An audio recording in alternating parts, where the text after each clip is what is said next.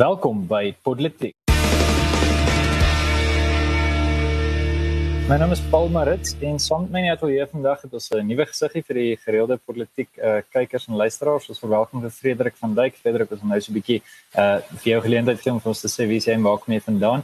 En uh, Frederik sluit uh, vandag by ons aan sukses om nou so ietsie van homself sê. In vandag se episode, ons eerste episode vir die jaar, uh gaan ons praat oor Sisulu verdeel en Novak wil speel. So ons het net daai twee lekker stories om jou vir die jaar aan die gang te kry. Uh Daniel is besig om die wêreld 'n beter plek te maak in een of ander hof erns en erns is besig om die wêreld 'n beter plek te maak um, met een of ander veldtog erns. So uh dis uh, dis net ek en Frederik vandag. Nou ja, Frederik, welkom hier by Politiek. Stel ons so ietsie van jouself wat interessant is.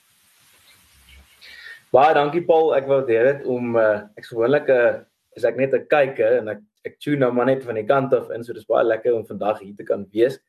En uh ja, nee ek ek ken vir Paul hulle as ek nou sê die die manne van die beweging soos ek baie keer ook sê as ek as, as hulle my vra ehm um, jy weet hoe ken ons die manne?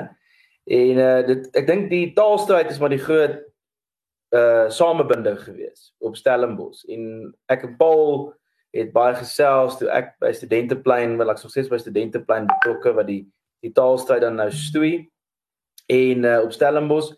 En um, ons help mekaar maar. Ons ons het 'n groot belang om te dien. Dis natuurlik die voortbestaan van akademiese Afrikaans en in die noorde is daar natuurlik lyk like my baie meer hoop in die vorm van akademia en ons hoop nou maar om in die Kaap tog soortgelyke tipe vooruitgang te kan maak wat akademiese Afrikaans betref. So dit is dit is waar my betrokkeheid meerendeels lê as direkteur by Studenteplein. En op die oomblik is ek ook eintlik weer 'n falie. So dis baie lekker om terug te wees in die in in die Gauteng en in die Wille Noorde. Ehm um, ek het nou met my kandidaatprokureursskap in Johannesburg begin. So ek sal hopelik ook vir vir die manne van die beweging meer dit wils te sien kry. Also wonderlik. Dankie Frederik. Ons sien nou uit en uh ek dink miskien moet ons maar wegspring met die met die eerste storie vir die week en uh ek gaan uh, verwys na na um, minister Sisulu. Dis nou Lindiwe Sisulu se se mees onlangse brief. Sy het 'n 'n brief geskryf uh, wat wel eintlik 'n toespraak was wat sy nou ehm um, so in die begin van die jaar gelewer het. En sy sê 'n klomp goeters. Ehm um, ek wil graag net uh, die laaste paragraaf van haar toespraak vir jou en vir ons luisteraars lees. Sy sê there is a need for an overhaul of justice of a justice system that does not work for Africa and Africans. If the law does not sufficiently address the issue of the food fight, the law will fail and inevitably it will play out in the streets. We have a new liberal constitution with foreign inspiration, but who are the interpreters and where is the African value system of this constitution and the rule of law? If the law does not work for Africans in Africa, then what is the use of the rule of law? Nou wil ek 'n bietjie konteks skep. Hierdie is Lindiwe Sisulu wat van die eerste dag uh, wat president Mandela aangestel is, deel van die kabinet was. Sy was aanvanklik 'n adjunkminister en sy het redelik vinnig haarself opgewerk tot die posisie van minister. Sy was al minister van etlike portefeuilles 4 of 5. Ehm um, waar sy, jy weet, elke keer net maar 'n soort van gemiddelde prestasie gelewer het, goed genoeg om haar werk te hou ehm um, sleg genoeg om nie noodwendig bevorder te word tot dat dink of iets van die aard nie. Sy sien definitief haarself 'n posisie hoër op in in terme van die kabinet. Ek dink sy sien haarself dalk as 'n volgende adjunkminister en hierdie is dalk 'n manier om so bietjie te begin uh, strepe trek en te wys sy gaan einde van die jaar vir David Mabuza of dalk selfs vir Cyril Ramaphosa uitdag. Minstens so dink ek. Wat vir my kommerwekkend is aan hierdie storie en Frederik, dis wat ek uh, graag uh, jou as regsgeleerde se mening wil kry, is ten eerste jy weet in Daily Maverick het nou 'n stuk hieroor geskryf waar hulle vra maar wat doen dit nou aan die oppergesag van die reg? Ehm um, mens dink aan iemand soos professor Koos Malan wat sê goed maar daar is in elk geval nie regtig die grondwet word in elk geval maar geïgnoreer in Suid-Afrika en sosio-politiese kragte ondermyn dit. Ek neem daai punt, maar wat ons hier sien is dat iemand in die binnewerke van die regering wat deel was van onderhandelinge En eh, Dr Neil Barnard skryf in sy boek Vreedsame Revolusie uitdruklik dat Lindiwe Sisulu daar was. Sy was deel van die besprekings.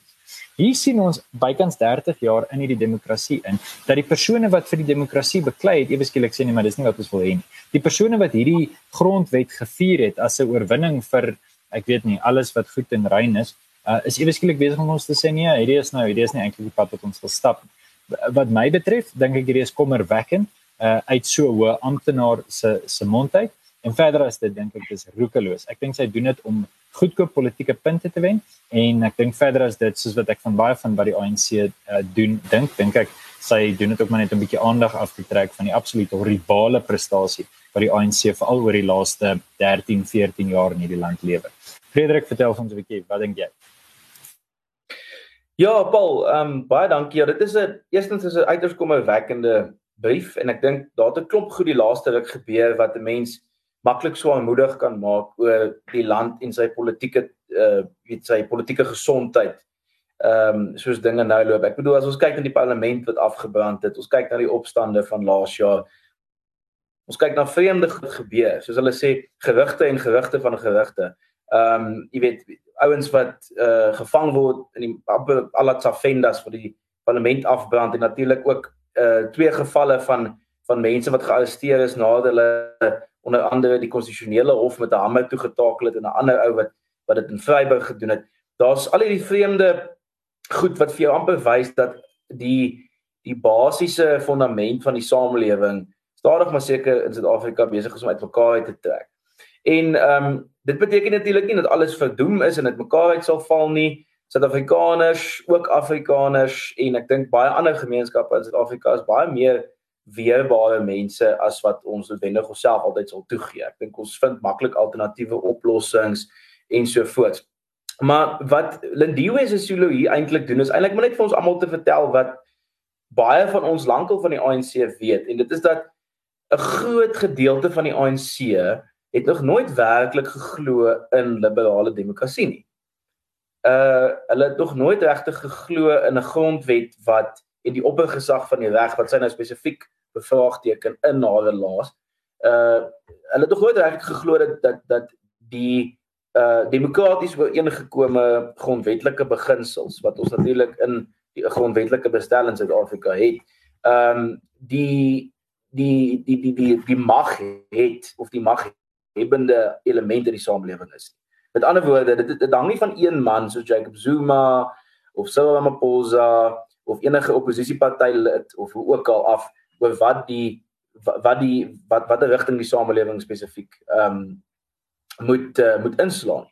So jy weet dit is iets wat vir die ANC vreemd is. Ons weet waar hulle vandaan kom. Hulle kom uit 'n opleiding uit wat 'n mengsel van revolusionêre politiek is, spesifiek ook kommunistiese politiek wat uit die jare 60, 70, 80 in Rusland aangeleer is en die beginsel van demokratiese sentralisme steek gereeld kop uit in die ANC. Ons het dit nou weer gesien in hierdie in in die in die ehm um, die die Schreiber Notulus wat uitgekom het rondom die ANC se voorstoot van van uh van van mense wat hulle natuurlik op die regbank wil hê. So die ANC glo nie regtig in 'n gedesentraliseerde die mense praat benadering tot demokrasie en grondwetlikheid nie. Hulle glo daarin dat die projek moet van bo af kom en hulle vanuit 'n ideologiese dogmatiese meerderwaardigheid kan vir die res van die samelewing sê hoe ons moet lyk en hoe ons moet funksioneer. So Lindiwe is maar net 'n simptoom eintlik van daai ideologiese denkwyse. Ehm um, ek dink natuurlik skaar sy haarself ook by die sogenaamde radikale ekonomiese transformasie faksie van die ANC. Ehm um, en uh, jy weet dit sien ons ook heeltemal duidelik in hoe sy haarself openlik op sosiale media skaar by leiersfigure in die AET faksie. Ehm um, natuurlik is dinge nou op Jette Kole gedryf. Uh die president het onlangs die eerste aflewering van die Zondo kommissie verslag ontvang en daar kom nog twee. En ons weet daar is 'n klomp karakters wat onder geweldige druk is. Ehm um, weens die feit dat hierdie hierdie verslag uitkom en iemand soos Lindiwe is nou net eintlik besig om te besef dat uh die ANC as geheel het van die kop af sterk toe gevul en baie van met almal se hande is maar op een of ander manier vuil en op die einde is die rotte wat die wat die grootste stukke van die sinkende skip kan gryp en daarmee swem. Dis die ouens wat gaan oorleef. So sy probeer maar mik vir dit wat oorbly om te kan oorleef. So ja ek is eerlikwaar soos ek sê om op te som. Ek is nie eintlik verbaas te wat Lindiwe Sisulu gesê het nie. Um ek uh, is wel teleurgestel in sommige kommentators se benadering. Um en uh, ek ek dink daar ek ek wil nou eintlik opsom so ek gaan nou nie eers al die verskillende uh uh sogenaamde intelligensia uitwys of uithef wat gesê het uh jy weet wat sy sê is eintlik maar net iets wat al lankal gesê word en wat 'n wat 'n simptoom is van ander fundamentele strukturele probleme in Suid-Afrika nie.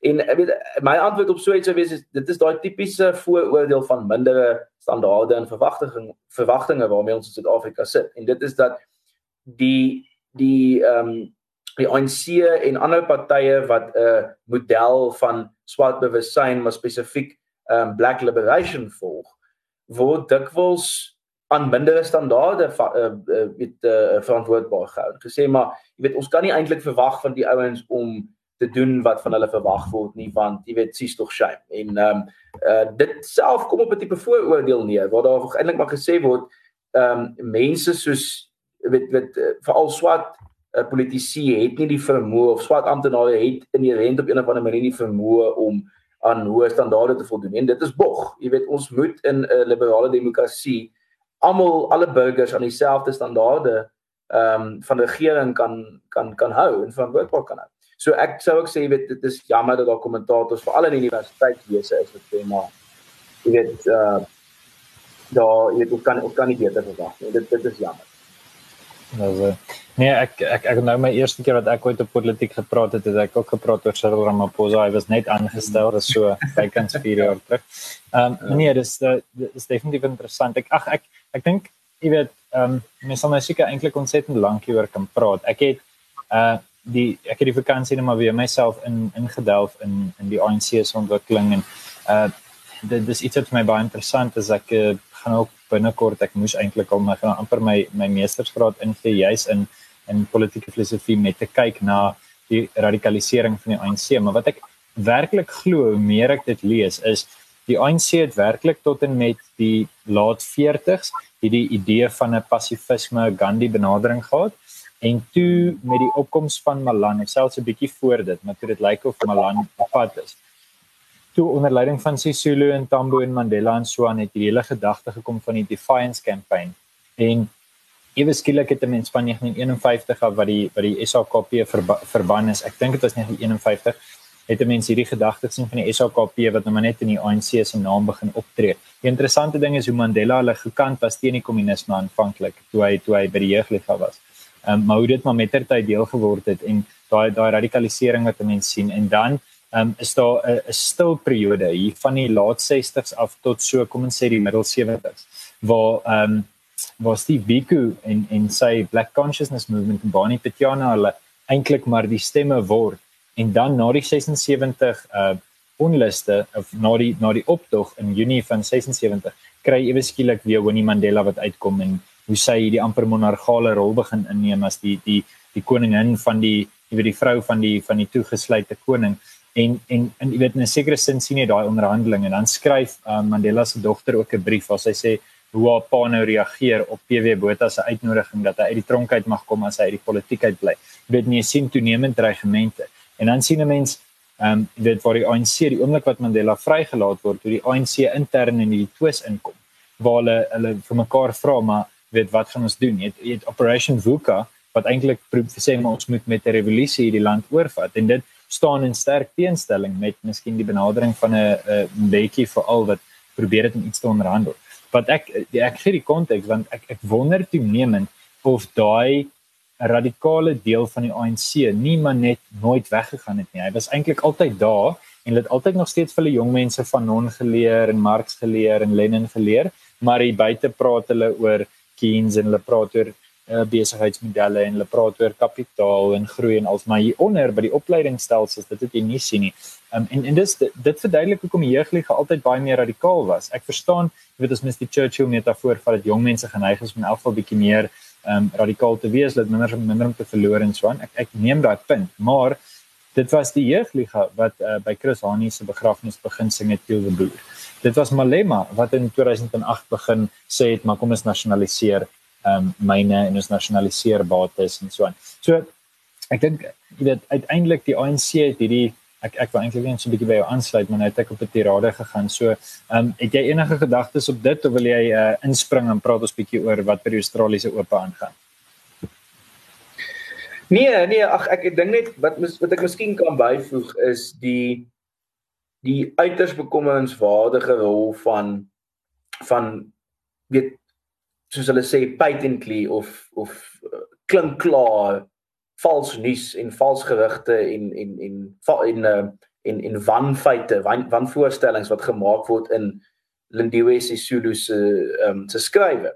Jy weet waar sy ehm um, jy weet uh, in hierdie waas amper leef dat die mense by wie sy haar heel, dit is nou die LJT faksie van die ANC, ehm um, dat hulle hande op een of ander metafisiese wyse skoon is ten spyte van die feit dat ons verslag op verslag op verslag het. Ehm um, en, en en en en getuienis op getuienis het wat wys dat hierdie ouens het hierdie ideologiese voorspraak maar in die agterhoede is hulle eintlik besig om jy weet almal anders se toekoms te steel vir al hulle eie mense spesifiek die mense op wie hulle ideologies ingestel is om te bevry jy weet daai jy weet jy sien hierdie drogerde nasies in 'n artikel dis ook dieselfde persoon wat in 'n tweet wat ek gesien het gesê het aan aan aan aan buitelandse beleggers maar jy weet Suid-Afrika is oop vir besigheid kom in kom belê in ons land maar in die in hierdie opstelletjie van haar in die toespraak het sy hierdie absoluut ehm um, anti-vrye mark anti ehm um, sake anti-entrepreneurskap ehm um, jy weet staatsgedrewe ekonomiese aanslag. So jy weet jy kan nie vertrou wat hierdie politici sê in die eerste plek nie, maar ek dink ook ehm um, jy weet daar's hierdie hierdie skielike verknogtheid en alternatiewe feite wat die wêreld vol is. Ek meen ons sien dit in Amerika, ons sien dit in ons sien dit in die Verre Ooste waar dit eintlik al lank hulle praktyk is. Die staat sal vir jou sê wat waar is en wat vals is. Ehm um, en en hierdie subjektifisering van die waarheid is ongelukkig ook besig om deur daai tipe faksies in die ANC pos te vat en dit het 'n ontsettende groot invloed dink ek op openbare diskurs want daar is te veel mense wat te veel verskillende oorde van inligting op een slag ehm um, probeer tot seer en in die proses uh jy weet sit ons met ouens wat in 'n totaal alternatiewe droomwêreld leef amper soos platiese grot waar jy weet jy hierdie ouens het wat hierdie skadu's teen die muur wys. Ehm um, en as hulle in die buitewêreld kom dan jy weet sal hulle nie glo dat die buitewêreld werklik die buitewêreld is nie. Asof daar geen objektiewe reg en verkeerd of feitelikheid bestaan nie. So dit is jammer dat dat hierdie jy weet dit is eintlik gevaarlik dat hierdie tipe denkpatroon posvat deur middel van mense soos Lindiwe Sisulu en ek dink baie keer dit is dit gaan 'n ontsettende ehm um, uh jy weet uh diskurs verandering verg. Jy weet dit gaan dit gaan 'n geweldige verantwoordelikheid verg van die verg van die gewone burger in Suid-Afrika om te kan sê kyk hierdie is verkeerd. Jy weet ehm um, as joernaliste, joernaliste en en en die publiek self gaan moet sê luister ons het 'n ons het amper 'n grondwet van die waarheid nodig om te sê maar sekere goed is nonsens en sekere goed is nie nonsens nie en ons moet daarby bewus. So ehm um, ja, dit is dit is jammer dat dit ook hier posvat maar mens kan seker nie minder verwag van ouens wat bereid is om ons en die res van die land se toekoms te bestuur. Asai. Dankie Frederik. Kan so 'n bietjie na volgende storie toe en dit is nat, natuurlik die ons het hom genoem Djokovic wil speel. So ek gaan so 'n bietjie as uh met net 'n bietjie inleiding gee. So Novak Djokovic natuurlik 34 jaar oud. 'n um, wêreldklas tennisspeler saam met uh Nadal en Federer is hy een van drie wat al 20 ehm um, Grand Slams gewen het. So natuurlik hulle al drie kompeteer seker maar in 'n sekere sin om die wêreldrekord te hou. Nou Djokovic is van die begin af dat hy gaan homself nie laat inent nie. Uh en ek dink hy was openlik oor dat hy nie die inentings vertrou nie. Hy het nie noodwendig 'n mediese rede hoekom hy dit sê nie. Um, en hy sê hy's openlik hieroor gewees. Goed, toe het hy aansoek gedoen vir 'n mediese exemption of kan mens net maar sê uh, kwytskelding of vryskelding uh en hy is toe in Australië ingelaat. En daar was toe 'n dringende hofaansoek wat dit probeer omkeer het en uh ons het nou eergister gehoor dat Djokovic mag ehm um, hy hy's nou terug uh hy oefen nou weer en hy mag die wel hy mag in Australië bly. Of hy die kompetisie mag speel, weet ek nie noodwendig wat dit impliseer nie, maar my gevoel is as die toernooi hom toelaat in die land laat hom toe dan sal hy heel moontlik kan speel. Uh, jy weet hy sal nou heel moontlik nou nie sy opponente se hande kan skud in die tipe goeders nie, maar uh ja, daar's natuurlik 'n ander storie dat hy tydens uh in Desember toe hy geweet het hy is positief met COVID-19 nog steeds uh, onderhoude gedoen het met joernaliste en dis dis meer. Ek dink waar die interessante storie inkom en dit wat ons miskien moet bespreek. Ek moet eerlik wees hierdie storie is deur Erns voorgestel en uh, hy is so besig om die, die wêreld te red dat hy uh, nie self nou storie kan inlei nie so ek hoop ek uh, ek uh, doen dit uh, ten minste naby genoeg aan hoe hy dit sou doen en die punte kom uit dat hy sou belig. Maar die punt hier is dat die idee dat die instof vrywillig was van die begin af maar 'n klug was. Jy weet daar's vir ons gesê, ehm um, die enstof moet vrywillig wees en ons gaan jou nie dwing nie. Uh jy weet selfs van solidariteit se kant af is daar gesê maar jy weet dit is 'n die enstof is goed en die enstof is nodig en wat ook al maar mense moet nie verplig word om iets by hulle bloed in te neem nie. Uh jy weet van die begin af het die Solidariteit Navorsingsinstituut, Afriforum Navorsingsinstituut en heelwat ander gesê die beginsel wat jy kweek wanneer jy iemand forceer om iets in hulle bloed te sit is baie gevaarlik. Ons het dit van politieke kant af verlede jaar seker in 'n halfte van ons episode bespreek. Ehm uh, en jy weet uiteindelik sit ons nou op 'n punt waar mense kan sien die enstof en die neem van die enstof was toe nooit so vrywillig. As dit was dan jy weet sou 'n wêreldklas tennisspeler wat in elk geval in meeste gevalle geïsoleer is, ehm um, daai persoonlike keuse kon uitoefen. Ek verstaan Australië is 'n bietjie strenger as dalk die gemiddelde land, maar Australië het trotseer homself dat hy 'n liberaal demokratiese land is. Uh jy weet wat wat doen 'n mens dan hiermee? Australië sê hulle, jy weet hulle veg hand in hand teen die Chinese want hulle steun een of ander tipe kommunisme. Maar hier was geen vrye keuse vir 'n wêreldklas tennisster wie se teenwoordigheid jou land se ekonomie, jy weet, honderdduisende dollars uh, gaan besorg. So ehm um, ek ek ek dink die belangrikste ding vir my uitstaan is skynheiligheid.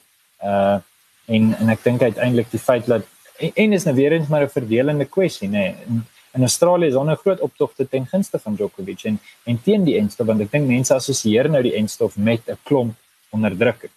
So dis my idee van 'n inleiding Frederik. Ek weet nie uh, hoe, hoe jy voel oor die saak en uh en waar jy staan nie. Ja, ehm um, ek eh, ek moet sê hulle sê mos ook dis een van die pragtigste gesegde oor Australië. En dit is dat ons almal weet dis die grootste tronk in die wêreld maar uh they were all chosen by handpicked by the best judges in England.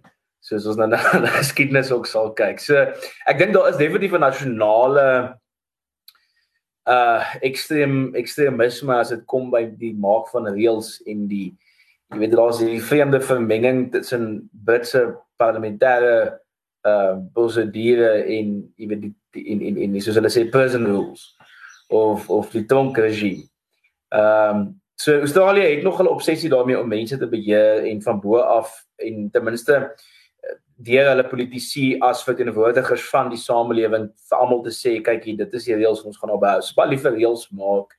Ehm um, ek dink dis ook amper 'n 'n 'n simptoom, 'n inherente simptoom van die Britse parlementêre stelsel wat ons tot 'n mate in Suid-Afrika ook het. Ek bedoel ons parlement word grootliks gekwalifiseer deur 'n grondwetlike demokrasie waar daar 'n grondwethof is.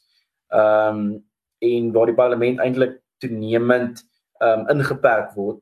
So jy weet van 'n konstitusioneel politieke perspektief af die Britse parliamentarianisme of parlementêre stelsel wat jy in uh tot 'n mate nog in Amerika het jy het dit grootliks in Kanada, jy het dit selfs in Indië, jy het dit in meeste van die ou Britse kolonies. Ehm um, dit is 'n stelsel wat daarop uitge ingestel is om wetgewing te skep. So hulle is altyd besig om nuwe reëls te maak, nuwe reëls te maak, nuwe reëls te maak. Ontsettend kompleks want jy wet op wet op wet wat die vorige een soms herroep, soms nie. Ehm um, so nou moet jy twee goed saam lees en en en en en natuurlik is dit 'n permanente instelling so daar word heeltyd nuwe wetgewing geskep.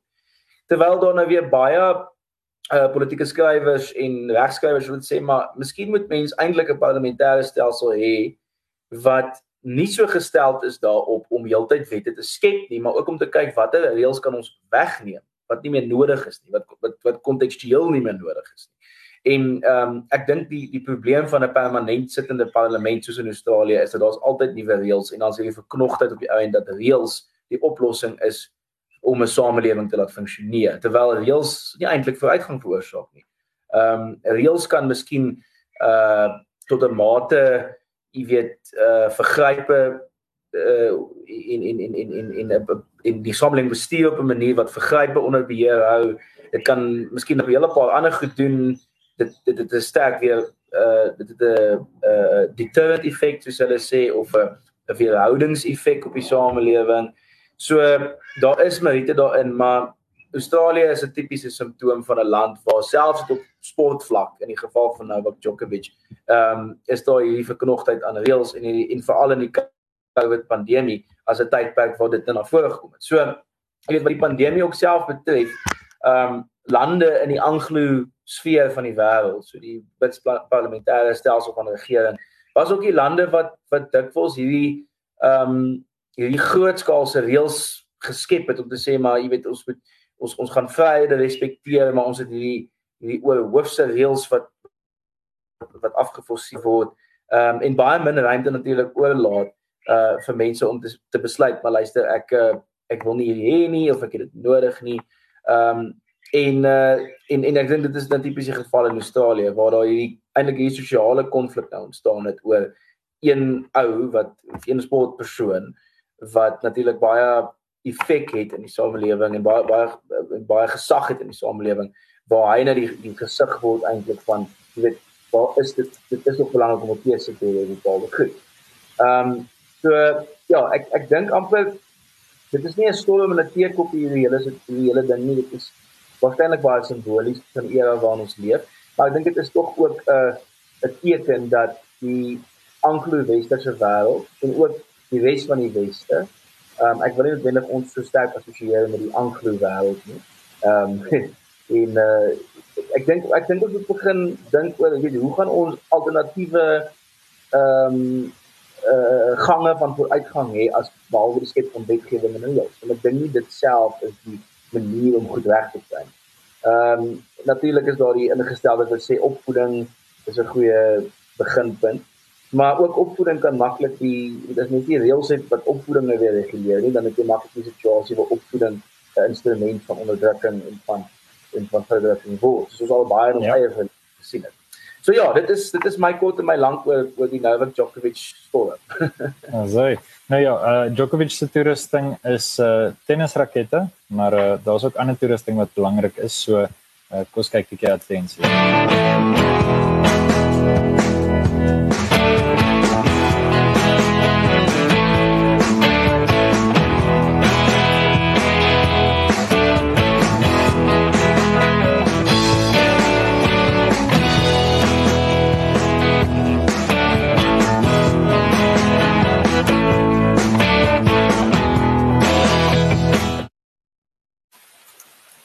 Nou ja, as verskaffer van industriële voorrade, uh verstaan ons uh, die kritiek van deurlopende produksie. Daarom bied uh, Nou Greater selfdag aflewering van alle swys, skuurkonstruksie en industriële voorrade.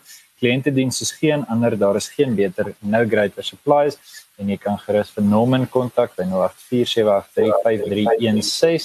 uh of jy is ook welkom om vir 'n e-pos te stuur by norman@nowgreater.co.za of vir admin of admin uh by nogreater.co.za. Nou ja, um, ek dink dit is tyd dat ons einde se kant hier staan Frederik, miskien net sommer die eerste episode van die jaar is. Ehm um, wat is op jou politieke kalender vir die jaar? Watter uh, dinge hou jy dop en uh wat dink jy kan die politiek luisteraars voor gereed maak in 2020 op die politieke front? Ja, ek dink ek sal amper vir Max te prie aanhaal wat nou onlangs vir 'n weekblad gesê het, weet gesp by jouself vas. Ehm um, drink 'n paar Valiums uh ek dink baie Camille tee want dit gaan 'n wille politieke jaar wees. Ons is regtig te midde van en ek hoop regtig die meeste kommentators is reg dat ons in die die ondergangsjare van die ANC is.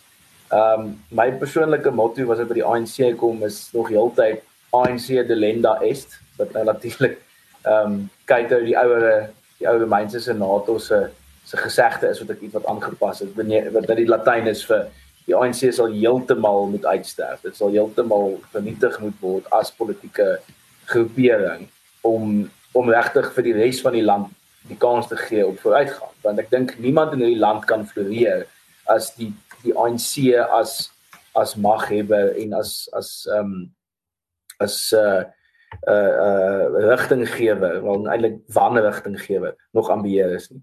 So ek dink dit is ek dink almal moet hulle self vasstrek, maak jouself weerbaar in jou gemeenskap en ek en ek dink dit is hoekom dit vir my belangrik is om met advertensies soos hierdie te kon sien waar iemand ehm um, skaamteloos in Afrikaans sake doen. Jy weet, ehm um, vanuit die Afrika ons ek praat nou van die Afrikaanse gemeenskapsperspektief uit. Jy weet, en ons baie ander gemeenskappe, maar ehm um, dis belangrik om om 'n Suid-Afrikaner en 'n Afrikaner te wees en in die gemeenskap wat jou geskep het, ehm um, wat jou help maak het wat regtig baie meer in jou belê het as wat jy ehm um, noodwendig dink daar in jou belê is.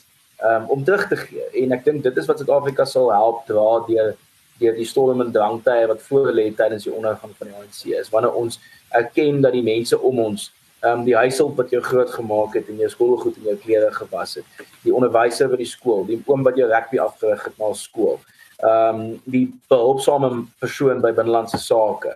Jy weet die enkeles wat daar wat daar is. Ehm um, jy weet daai is die mense wat die land sal maak werk. En ek dink as gemeenskappe om daai daai ehm um, uh wil ek amper sê gebaseerde optimisme kan as ons daaroor kan saam staan dan sal ons alraai wees. So ja, hou dit dop, maar wees ook weer daar.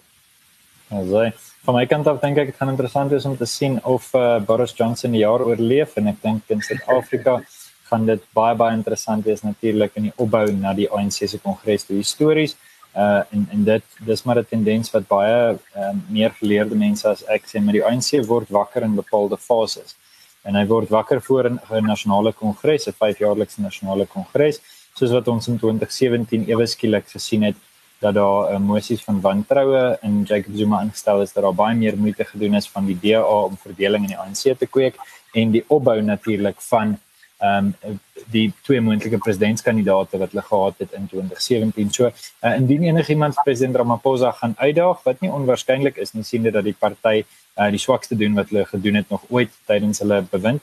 Uh, so miskien daag iemand om direk uit. Uh, ek weet hulle blokkeer tans Ismagashule om te veel in die in die media te praat, maar goed.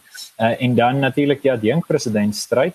Uh, ons sien dikwels in die ANC dat die adjunk president net net een termyn dien. So Galema Motlanthe het 'n termyn gedien en toe Ramaphosa uh, oorgeneem. So die idee is amper dat die 'n president se adjunk president in die tweede termyn is dalk eerder die persoon vir wie mense kyk as 'n as 'n moontlike president. So dit kan interessant wees as Sisulu haarself in daai posisie sien en 'n toekomstige president andersins wie wie ook na vore kom, miskien Tito Mboweni of wat ook al. Dis die tipiese mense wat in hierdie stadium praat. So dis op my kalender, maar uh, miskien op einde se kant toe staan. Uh vir jou as politiek luisteraar, uh soos wat uh die die droogte in in die Vrystaat verby is, soos hierdie episode ook weer verby. As jy hou van wat ons doen, klik gerus op die subscribe knoppie en klik op die klokkie. Ons gaan hierdie jaar baie interessante dinge doen by politiek. So sien regtig gaan uit dat jy daai pad saam met ons stap. Nooi jou as luisteraar uit om self te ontnonsens. Jy kan 'n gesprek voortsit in die kommentaarafdeling van waar jy ook al na ons luister of jy kan by ons Telegram kanaal uh, ook so 'n bietjie kyk waarmee ons besig is en ondersteun politiek gerus deur die besighede te ondersteun wat ons uh, borg en die besighede en uh, firmas waarvoor ons werk. Uh, Frederik sê vir jou dankie en uh, dan vir die res uh, van julle daar buite wat direk ingeskakel het of laaste luister. Tot volgende keer.